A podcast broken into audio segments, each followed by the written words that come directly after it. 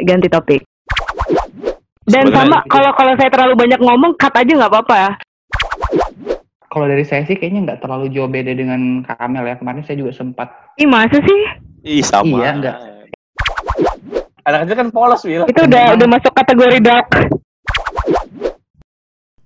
Selamat datang dan selamat mendengarkan podcast Melata.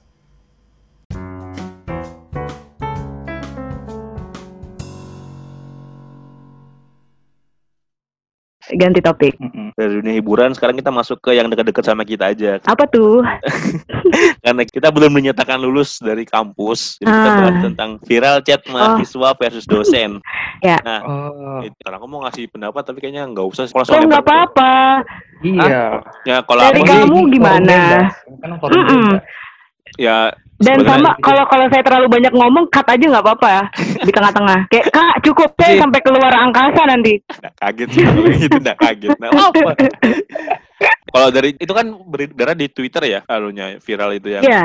capture-nya Iya, apa percakapannya itu ya. Kalau itu sih sejujurnya kalau aku bilang sih agak salah dosennya sih karena terlalu agak arogannya gitu. Cuman Iya. cuman kan kita sebagai mahasiswa juga harus menghormati lah seorang dosen gitu. Hmm. Dihargai itu karena dia ngebimbing. Pandanganku gitu aja. Terlalu terlalu mainstream ya kali pandanganku ya. Mungkin Gak apa-apa, mungkin, Mungkin- bisa dilengkapi. Ya, boleh kalau mau. Amel. Kamel sama Willy gimana mau nambahin kah atau punya point of view lain gitu? Menurut Gimana? saya itu karena karena adanya relasi kuasa yang begitu jauh antara dosen dan mahasiswa. Jadi eh, seolah-olah dosen ini adalah orang yang tinggi, kemudian mahasiswa adalah orang yang di bawahnya. Padahal yang membedakan dosen dan mahasiswa cuma tahun lahir dan pengalaman. Udah itu aja sebetulnya. Tetapi Ya, hak itu dan betul, betul. kewajiban itu sama aja sebenarnya di kampus. Dan sayangnya eh, itu masih membudaya di kampus-kampus kita, Hmm. apalagi eh, dosen-dosen yang sudah uzur ya. Jadi Ya. eh, merasa eh, harusnya mahasiswa itu tunduk, taat dan patuh dan bisa disuruh apa aja. Termasuk ketika eh, dosen berlaku tidak profesional. Jadi misalkan minta dipijitin lah atau minta dicat rumahnya lah atau bahkan nawarin MLM. Ini yang parah sih sebenarnya. Dengan eh, orang umum, orang umum.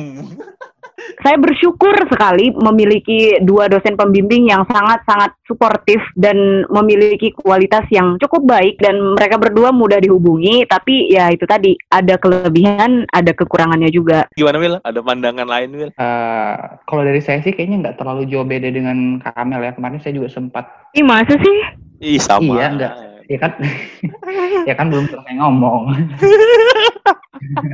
Gimana gimana Wil? Sorry Nah, Wil, itu- sorry Wil. Eh, jadi kemarin itu kan saya juga sempat sempat ada nge-tweet itu juga. Dan itu kalau nggak salah eh, yang bikin rame itu selain karena di eh, upload di base eh, kuliahan itu juga ada salah satu dosen yang cukup punya banyak followers. Iya, Eh, iya, dia, iya. dia nge-tweet juga kan soal itu. Ah. dan kalau nggak salah ya seingat saya itu ada salah satu isi bagian dari utasnya itu yang menyebutkan kalau misalnya eh, dosennya bilang eh, mahasiswa jangan sedih eh, ditunggu aja dosennya dulu tiga hari. Kalau nggak salah ya, tiga hari baru dihubungi kembali. Jadi kayak seolah-olah eh, mengarahkan untuk mahasiswa ini eh, udah manut-manut aja. Padahal kan eh, dosen itu tidak tidak melihat juga kondisi eh, dari si Hmm. mahasiswa ini gimana psikologinya apakah baik-baik saja atau benar-benar udah down banget kan? Soalnya kan itu udah takut banget kan dia itu makanya dia sampai eh, nge-share itu dia dia nggak tahu mau harus berbuat apa lagi. Mungkin istilahnya udah udah stres lah. Soalnya ini kan berhubungan juga dengan kelulusannya dia. Jadi eh, kalau saya sih melihatnya itu kemarin memang seperti yang Kak Amel bilang lagi itu relasi kuasa ya kalau yang dari kata Kak Amel. Jadi mahasiswa dan dosen itu memang kalau di Indonesia saya melihatnya itu kayak gapnya itu masih agak ada jarak gitu. Berbeda dengan eh, di luar negeri. Yang saya lihat-lihat ya di film-film di eh, di artikel-artikel yang saya baca. Jadi kayak dosen-dosen itu eh, maupun guru dengan mahasiswanya itu mereka akrab banget di dalam kelas. Mereka lebih banyak kayak diskusi dan lain. Jadi kayak eh, hubungan antara dosen dan mahasiswa itu memang selain profesional juga eh, dekat gitu. Nah jadi eh, untuk alasan-alasan seperti itu kayak memang eh, wajar sih terjadi di Indonesia. Karena memang uh, selain uh, gapnya yang jauh terus kayak mungkin saling respectnya itu masih kurang gitu. Karena mungkin juga dosen ya ada yang merasa lebih tinggi ketimbang mahasiswa jadi ya udah uh, mau mau saya aja gitu. Jadi sebenarnya yang perlu saya bingung juga kemarin yang saya nge-tweet itu soal kenapa uh, ada tata tertib soal cara menghubungi dosen gitu. Nah jadi seolah-olah mahasiswa aja nih yang diatur gerak-geriknya uh, uh, chat-chatnya bagaimana untuk untuk dosen. Sedangkan dosen dalam respons atau menanggapi itu ya udah suka-suka mereka Iya, iya betul. Jadi itu sih menurut saya perlu juga mungkin dibuat aturan cara dosen uh, dalam merespons atau menjawab mahasiswa. Ya kalau misalnya mahasiswanya uh, dengan sopan, dengan dengan baik, kenapa nggak dibalas dengan baik juga? Saya tuh kadang tuh udah kayak panjang lebar kan. Terus kalau nggak cuma di aja tuh kayak kayak kadang sakit hati juga atau nggak cuma dibilang ye atau oke. Okay. Seenggaknya uh, karena kita juga sudah memberi salam, dijawab dulu salamnya atau nggak terima ya. Sudah membuat membuat kita senang lah sebagai mahasiswa itu sih. Kalau memang mahasiswanya juga kurang ajar ya udahlah itu urusannya lain lagi gitu. Nah tapi kalau misalnya kita masih sama-sama uh, masih di batas kewajaran ya udah apa salahnya untuk uh, seenggaknya saling menghargai aja gitu dalam dalam yeah. uh, ber, berkomunikasi. Betul betul itu. itu. Betulnya kayak hmm. kenapa harus mahasiswa juga ada ada juga lah setidaknya dosen dia biar sama lah ya biar setara ya tadi salah satu caranya hal terkecil sih menurutku itu kita ini deh sudah udahi aja kayak ini takutnya kita nanti Dian sama dosen kita nanti takutnya.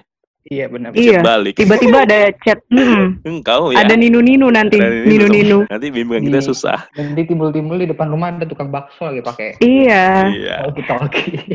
nanti kita di chat kamu ngapain buat podcast podcast guru skripsimu? Eh, enak. Karena buat apa Agustus kemarin kita dihebohkan sama film pendek yang berjudul Tili atau kalau dalam bahasa Indonesia-nya menjenguk dan karakter yang mencuri perhatian yaitu Bu Tejo. Dan siapa? Satu lagi tuh? Lupa lagi namanya satunya lagi you you siapa? Siapa? Lupa. Yuning Yuning ya Yuning Yuning Yuning Yuning. Oh iya. Jadi ceritanya tentang satu rombongan ingin menjenguk sih Bulura ya ke rumah Bulura, sakit. Iya, Bulura. Nah, rombongan tuh berjalan naik truk dalam perjalanan itu menggambarkan situasi keadaan zaman sekarang Ad adanya gosip, terus ada yang mencoba meluruskan gosip itu dan lain-lain gitu lah. Kalau menurut kalian gimana cerita Tilik? Kalau saya sih suka sih jadi fans beratnya Butejo. Kalau dari kalian gimana mengenai film Tilik ini? Kalau kalau saya sih awal awal tahu film uh. di Twitter ya salah satunya juga Willy yang mendorong saya untuk akhirnya nonton dan gagal. Oh iya, saya sebenarnya udah tahu uh, sekitar seminggu atau dua minggu gitu ada ada film namanya Tilik dan banyak direkomendasikan oleh orang-orang di Twitter. Cuman saya nggak bisa langsung nonton karena ada beberapa pekerjaan yang harus saya selesaikan. Tapi akhirnya saya nonton juga dan dan memang menghibur kayak nggak berasa gitu udah udah selesai aja dan endingnya yang bikin kayak hah jadi ternyata Dian itu sama bapak bapak itu ya um, saya juga banyak mengamati pendapat-pendapat SJW SJW feminis yang bilang kalau film ini bla bla bla. Dan pas saya nonton saya nggak ngerasain itu. Kok saya merasa filmnya baik-baik aja dan dan memang menyuguhkan apa yang memang menjadi realitas sekarang gitu. Bukan memaksakan untuk uh, happy ending atau memaksakan satu cerita yang yang nggak semestinya terjadi secara nyata gitu. Tapi memang kayak oh memang kehidupan sehari-hari itu memang begitu. Dan yang patut kita apresiasi juga adalah acting semua pemerannya termasuk figurannya ya yang hmm. yang kayak nggak acting tapi kayak bener-bener yang di, di di truk tuh kayak iya betul parah banget yang muntah. Ya ampun itu saya ngulang-ngulang sih yang muntah itu. Ya ampun. Ibu-ibu yang menengok ke jalan ke hmm. jalan ke mana pun itu tuh bagus banget sih aktingnya tapi saya nggak nggak nonton dua kali karena saya nggak tahu ya uh, nonton film itu cukup sekali menurut saya kayak dua kali tuh tergantung filmnya lagi. Tapi kalau tilik ini saya nonton sekali udah cukup cukup sih menurut saya. Kalau kamu gimana Bil? kalau saya sih ya itu uh, seru filmnya. Saya sangat terbantu sih dengan adanya subtitle karena saya kan bukan orang Jawa dan tidak mengerti bahasa Jawa. Iya jadi uh, yang saya lihat dulu pertama kali sebelum nonton itu ini ada subtitlenya nggak? Ternyata ada. Dan itu sangat membantu. Dan memang karena apa ya di mana pun saya pergi atau tinggal kan saya dulu uh, hidupnya berpindah-pindah ya. Itu pasti ada pasti ada tuh tetangga yang orang Jawa. Jadi adalah beberapa beberapa kalimat yang memang lumayan familiar. familiar Hmm. tapi nggak tahu artinya apa. Dan itu seru sih. Jadi kayak selain nonton, oh belajar bahasa Jawa juga. Terus eh, ya itu sih seru. Ibu-ibunya tuh memang benar-benar menggambarkan ibu-ibu yang suka gosip dan Iya. mereka suka selain mereka suka gosip mereka juga kan apa menggambarkan orang-orang desa yang sangat itu sih apa kayak gotong royong gitu loh Ya kompak. mereka ya. sama-sama pergi ke rumah sakit Komunal. Hmm, Hmm. jadi kayak yang sangat jarang gitu nah ditemui di masyarakat perkotaan saat sekarang ini. Jadi kayak Iya. itu, itu lebih lebih memberikan suasana yang lebih enak sih dan memang kayak suasana desanya juga kayak asri. Itu sih banyak sih yang membuat kita kayak eh, tertarik menonton ini selain dari karakter-karakter yang memang sangat lucu dan variatif kayak Bu Tejo ini diundang ke mana-mana masuk TV sana sini stikernya bertebaran di mana-mana. Iya dan dan kamu tahu gak sih ada kan beras yang dipakai Bu Tejo beras gitu. Itu dong Ah, itu iya. kema i- itu kan mama saya punya terus saya pakai kemarin waktu acara Hut Berau. Ih, saya bilang kan, "Ima, ini tuh berasnya Bu Tejo." Hah? Terus? Mama saya kan nggak tahu. Bagus ini bagus buat kayak kebayaan. Ya udah, saya pakai deh beras Bu Tejo. Terus Nggak ikut ikut tuh ikut Bu Tejo. gosip juga enggak? Gosipnya kayak Bu Tejo enggak? Eh, enggak sih, kan saya kalau di lingkungan kantor saya kucing, diam aja. Oh, siap, Oh. siap. Jadi, nah tapi Heeh, kenapa kak nggak mau nanya gini sih. Kalian Ah. punya scene favorit nggak dalam dalam film itu? Kalau saya sih yang ibu itu apa yang muntah tuh nah Iya, sama, sama. Oh, yang muntah. Hmm, itu apa, memorable gimana? banget sih. Dan sampai Iya. saya searching Mm-mm. di eh, Google kenapa itu apa sih yang dipegang ibunya saat dia muntah ternyata itu daun apa kulit jeruk kan.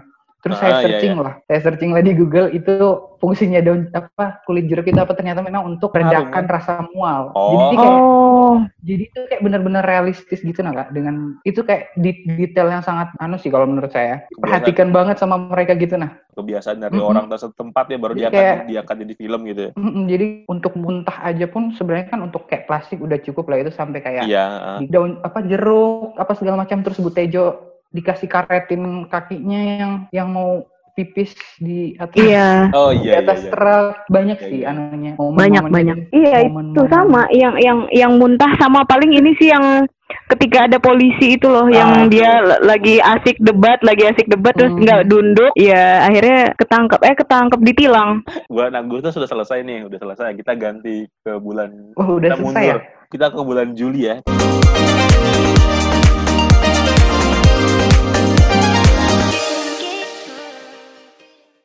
Bulan Juli Mhm. ini dari tim kreatif ada dua isu ya. apa nih di bulan Juli Kita bahas tentang kue klepon tidak islami hoax yang sengaja dibuat. Itu Oh. untuk isunya. Hmm. Hmm. Nah, kalau aku sih mau disclaimer aja. Maksudnya kayak nggak ke trigger gitu sih dengan adanya muncul yang kue klepon tidak islami Hmm. nggak ke trigger biasa aja. Ngelihat Biasa aja. lihat kan ngelihat terus kayak ya udah paling ah paling ini doang apa penting S3 marketing itu. Hmm. Nah, kayak gitu, gitu. Ada kan S3 ada kan meme-meme kan memang S3 marketing teknik. iya Nah, kayak gitu paling aku Iya. oh paling yang paling, sering tuh paling itu orang sih yang jualan. apa Lee Min Ho laundry di sini padahal ada tulisan tidak tapi kecil Ya, sekali. ya kayak gitu-gitu kan. yang kayak meme S3 S3 marketing apa gitu kan. Nah, Ah, paling aku mikir kayak Iya. gitu. Jadi kayak jadi kayak nggak nggak ke trigger aja sama isu ini. Kalau dari kalian gimana kalian berdua mengenai ini tanggapannya? Kak Amel dulu dong. Mm-mm. pertama kita lihat dulu dari konteks kenapa ini ada peristiwa Ya, ini ah. ada karena eh, itu kan si penjual ini jualan kurma ya terus em, eh kurma atau apa ya? Pokoknya dia bilang jajanan jangan jajan klepon karena tidak islami. Mendingan Oh, beli iya. kurmanya dia aja. Nah eh, dari situ sebetulnya kan agak-agak membingungkan ya kenapa justru makanan jadi punya agama gitu. Masa kurma Islam terus klepon Kristen Iya, terus yang lain Buddha. Aneh Ateis. sih aneh Ah. banget aneh. Dan eh, yang lucu itu sebetulnya dan dan cukup menjawab tweetnya Tretan Muslim yang bilang kalau jangan-jangan kenapa hijau itu identik dengan warna cemara terus kenapa kelapanya itu putih jadi salju dan itu identik dengan agama tertentu. Jadinya kenapa itu dibilang nggak Islami ya karena itu lucu dan ya udah gitu. Kita juga jadi ya ya udah serah serah deh kalau misalkan itu dibilang tidak Islami. Dan akhirnya kan justru muncul banyak konten-konten kreatif setelah itu. Tuh jadi memang dianggap itulah kue yang tidak Islami tapi bukan cuman klepon gitu. Jadi kayak misalkan makanan lain juga eh apa ya misalnya ceker setan. Ceker setan. Setan masa islami kan? Enggak ya? Terus juga ceker kan memperlihatkan aurat. Jadi banyak makanan kalau dibilang ada yang islami ada yang enggak banyak. Dan satu-satunya yang Islami mungkin cuman kurma karena itu makanannya Nabi dan ya identik dengan kaum Muslim. Duh, males lah ini bahas klepon-klepon ini aneh Hmm. banget. Padahal warnanya hijau loh kan Islam itu identik Iya. dengan warna hijau. Hijau. Iya. Nah, itu saya mau bilang loh padahal Partai kalau partai Islam warnanya hijau. lebaran lebaran itu kan identik dengan hijau ketupat. Hijau kan, masjid Iya, juga banyak kan hijau. Nggak ngerti lah itu. Memang strategi marketingnya luar biasa kayak Odading Mang Oleh. Jadi viral dan orang beli ke dia semua. Tapi nggak tahu nasibnya si klepon mas-mas ini apakah laku terjual atau biasa aja ya? Mungkin laku kali di bulan Juli ya. Mungkin. Kan, kan itu Iya, mungkin. September sekarang. Iya. Mungkin. Kalau saya sih lebih Ya gimana kamu gimana lebih enggak dari penyebutannya aja jarang sih nyebut klepon lebih sering nyebutnya onde-onde aja sih Hah, beda Wil ini sama telepon Wil. ya itu kalau di keluarga saya nyebutnya itu onde-onde kak saya tahu onde-onde Oh. pakai wijen kan Iya, ya. Iya. Yang coklat. yang isinya isinya kacang, Kacang, hijau hijau. ya. Mm, nah tapi kalau di keluarga saya dari saya kecil sampai sekarang tuh nyebutnya Onde-onde. jadi kayak misalnya ada orang yang mau acaraan atau enggak baru pindah rumah tuh biasanya tuh buatnya onde-onde yang hijau itu Oh. Jarangnya bagi- kalau bisa disebut disebut onde onde. Ah, nggak tahu ya, itu. Ada Wil. ya udah ada udah disebutin ya udah sebutin sebutin juga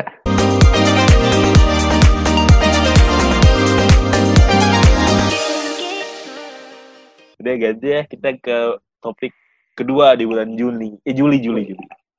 Gara-gara viral antrian bakso lobster bisa sampai 5 jam. Uh. Nah, jadi mau nggak salah yang upload youtuber gitu. Nah dia ngupload video gitu makan di restoran ini Hmm.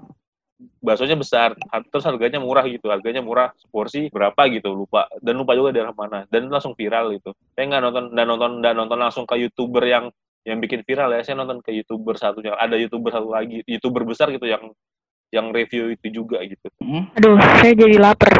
memang murah sih harga harga seporsinya di youtuber yang youtuber itu makan sih murah sih harganya murah satu satu porsi lah Hmm. Mm-mm. nah nggak tahu tim kreatif tuh milih tema itu ya cuma Oh iya, saya saya nggak sih tim kreatifnya nih saya nggak tahu nih Nah, eh, tentang bakso lobster. ya yang yang saya tahu sih yang di ya aku nonton nonton di YouTube tuh aja sih ya memang memang Hmm. memang besar sih por adunya Oh, porsi apa porsi si bakso lobster memang besar katanya lobsternya juga enak katanya dan murah langsung juga makan lobster aja belum pernah. sama makanya menurut kalian tak usah ngajak bikin lapar tim kreatifnya jam-jam segini lagi menarik Iya lapar. Iya kamu ya. Ntar saya lengkapin aja. sebenarnya saya juga nggak nggak terlalu mengikuti ya ini gimana yang Iya sama. eh, bakso lobster viral ini sampai antri 5 jam. Tapi kalau mis- misalnya di Samarinda ada, saya kayaknya bakalan nyobain Coba. sih ya. kayaknya Nah, ada deh tergantung dulu. Kayaknya ada Tergantung Wil. dulu ini harganya berapa? Apakah under 75.000 ribu atau Iya. Kalau sampai harus 75.000? bakar dompet juga buat apa? Kalau yang di Karena yang di YouTube karena ini kan nyampe sih lobster kan uh, karena lobster ini kan uh, harganya lumayan mahal ya apalagi kalau yang Iya. udah bibitnya aja tuh yang murah yang diekspor ke luar negeri. Sama itu. Bibit. Jadi uh, menarik untuk dicoba kalau ada tetapi ya dilihat dulu harganya berapa. Terus- seingatku ada sih Wil sama Rinda Wil kalau nggak salah lihat oh tuh ya. ada kak se Di aku mana? lihat di Instagram. Di akun apa ya? Ah lupa lagi akunnya Oh. akunnya siapa. Ada cuma nggak tahu Boleh rasanya ya. nanti dicari-cari. Cuman- Heeh. tapi kalau yang di yang di YouTube murah sih harganya. Oh murah yang di YouTube kalau yang di Samarinda aku nggak tahu kan yang Yang di di Samarinda dua ratus lima puluh ribu kan menangis. iya Enggak, nggak nyam- di YouTube nggak nyampe segitu lah. Seingatku nggak nyampe segitu sih. Ya kisaran kisaran lima puluh ribuan atau di bawah mungkin yang lupa juga Oh. berapa. lumayan Tapi nggak sih nggak nyampe 50 seratus lah pokoknya. Iya kalau lima puluh ribu mau sih. Tapi ya, tapi Mm-mm. harus ke itu under Jawa. 75 enggak oke Ya, kak Amel gimana kak kayak Kamel gimana kak? Kakak suka makan tuh kan suka hobi makan tuh. iya review-review juga Dan pengen kalau misalkan ada ya di Samarinda terus eh, saya ke Samarinda lagi nanti kita makan ya. Ganti topik ya lapar lapar. Tahu tim kreatifnya bikin mulai lapar lapar sore hari. Mulai memberontak.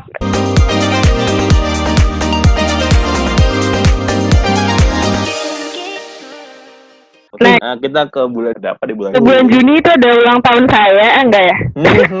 Wih, Selamat ulang tahun Kamel. Telat berapa bulan sudah?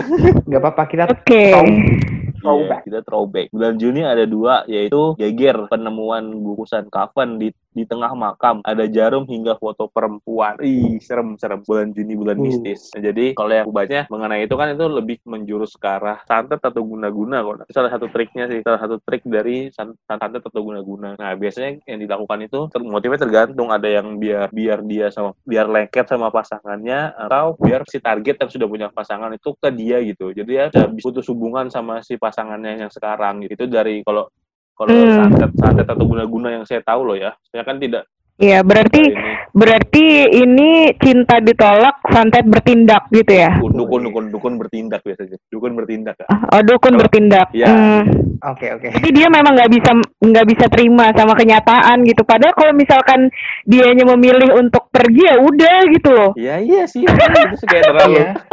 Iya. Memang Terlalu- sih kalau udah Hmm. Ya kalau Iya. udah udah nggak bisa sama-sama lagi emang mau gimana Will? berdoa terus lah ya. Siapa tahu ada keajaiban. Iya, dan sama sekali jangan pakai kayak gitulah, Hmm. ya kan kan kasihan. Iya, Memang pendengar- dampaknya nggak dirasakan se- sekarang, tapi mungkin nanti di akhirat kan kita nggak tahu ya. sih Iya, memang. pendengar. Ya ampun. podcast melata disarankan tidak melakukan hal tersebut di rumah ya. Iya, karena berarti itu bukan jodoh dan nggak bisa dipaksakan juga. Dan pasti akan ada kok perempuan atau laki-laki baik yang nanti akan bersama si mas yang, yang ini yang eh kok laki-laki atau perempuan lupa sih, perempuan ya. Akan ada perempuan yang akan akan lebih baik lah daripada Hmm. perempuan yang disantet ini. Jadi Iya. mendingan memang parah ya. lebih bisa menerima kenyataan lah.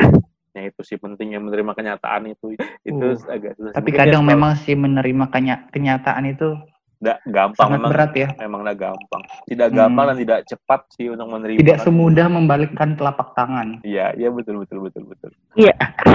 Iya. Kalau- karena akan panjang kalau Hmm.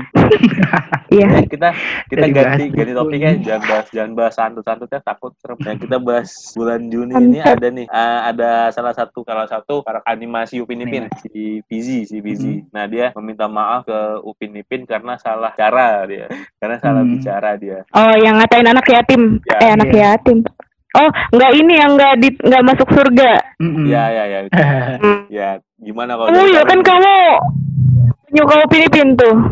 Wajar lah anak kecil sama anak kecil. Hmm. Kalau aku sih mikirnya karena karena anak itu kan kecil awalnya tuh ngomong. sebelum eh, anak kecil ngomongnya kayak gitu wah banget sih anak kecil kan polos Wil. Itu udah udah masuk kategori dark. iya Dark. iya Hmm, ya Gelap. itu. termasuk Cuman ya, anak kecil ya karena polos Dan ini kan. Ini nggak apa-apa sih menurut saya itu nggak apa-apa. Ya, cuma lucu aja Iya, kita, memang kita yang, yang dewasa apa-apa, lucu. terus- Nggak apa-apa. Cuma lucu aja Nah. buat kita kan lucu jadi. dan ini kan sebelum sebelum yang dia ngomongin soal apa soal Siapa? Upin Ipin dia kayaknya sempat anu juga ke Mail gitu ya pokoknya dia di sini Oh, omongannya iya, iya. adalah beberapa juga Iya. yang menjelek-jelekan yang lain tuh salah iya, satunya Omongannya racun. Dan Mm-mm. ke Upin Ipin juga ada dia ke temennya. Cuma lupa siapa ya. ada ada nah pemuncaknya itu pas di Upin Ipin Pesan yang dia iya ngomong. pokoknya ada lah beberapa saya lupa itu apa aja yang dia dia Iya. omongkan nah itu memuncaknya pas di Upin itu Iya itu sudah. Tapi untungnya dia nggak nggak punya nggak di nggak di Indonesia ya. Kalau di Indonesia dia kena UU ITE mungkin si Fizi ini kali ya. terus siapa yang dituduh Easy loh cuma hanya Ya, oh, ya Fizi ya. Nah, siapa tahu dia karakternya orang Indonesia kan dia kena undang-undang Ah. ITE nantinya. Undangnya dia tidak di Indonesia, dia di luar Indonesia. iya Iya, Ya udah ya, untuk yang itu nggak ada nggak ada tanggapan lain tentang Fizi. nggak ada, Ada ya, ada. ya visi nggak ada. Kita- ya kita Ini ganti bulan ya. Ya, TK Kenapa kenapa ya? masih TK. masih TK Ya iya. masih TK maksudnya jadi belajar baik-baik aja lah dulu Penasaran kan sama kelanjutannya? Ditunggu episode selanjutnya ya.